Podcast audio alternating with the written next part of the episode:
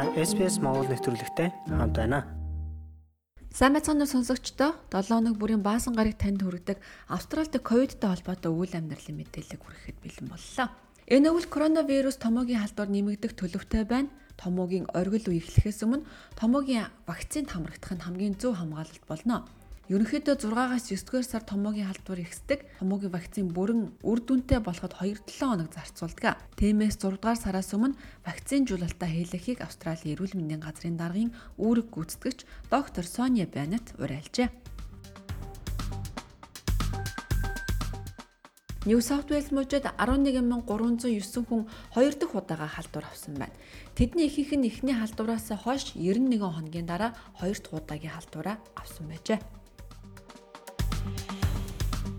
Баруун Австралийн 16 ба түүнээс дээш насны хүн амын 80% нь 3 тун вакцинд хамрагдсан байна. Баасан гарагт тус мужид 9328 шинэ халдвар бүртгэгджээ. Дэлхийн эрүүл мэндийн байгууллагаас өнгөрсөн 2 жилийн хугацаанд 14.9 сая хүн дунджаас илүү нас барсан гэж мэдээлжээ. Эдгээр нас баралт нь ковидын тархалттай шууд болон шууд бусдаар холбоотой байгаа юм.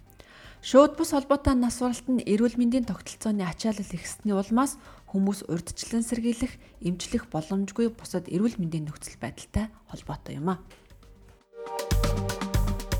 Цусны бүлэгнэлийн ховор синдром үүсгэх эрсдэлтэй учраас Америк нэгдсэн улсад насанд хүрсэн хүмүүст зориулсан Johnson & Johnson-ы COVID-19 вакциныг хэрэглэхийг хязгаарласан байна. Австрали улс энэ вакциныг 2021 оны 6 дугаар сард төр зөвшөөрсөн боловч энэ нь вакцинжуулалтын хөтөлбөрийн аль биесны нэг вакцин биш ээ. Одоогоор Австрали зөвхөн AstraZeneca, Pfizer, Moderna болон Novavax-ыг аль биесээр хийж байна. Western Australia-д 6 хүн ковидыг болмас нас сурж 100182 халдвар гарсан нь энэ оны хамгийн өндөр халдвартай өдөр байлаа. Бусад мужуудын халдварын тооч нэмэгдэж байна. Жишээ нь өнгөрсөн Пүрэв гаригт New South Wales мужид 18500 гаруй, харин Victoria мужид 11600 орчим халдвар гарчээ. South Australia мужи энэ оны 6 дугаар сард онцгой байдлын дэглэмээс гарахаар төлөвлөж байна.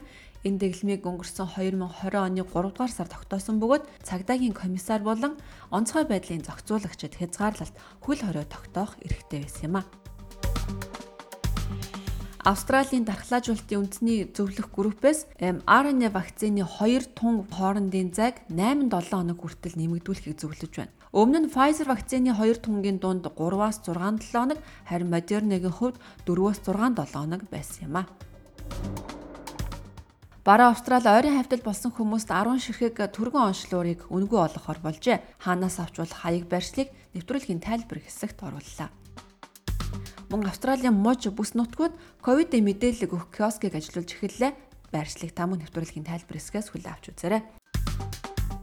Ийхүү өнгөрч байгаа 7 хоногт Австрали болсон ковидтэй холбоотой үйл амьдралын мэдээллийг багцлан хүргэлээ.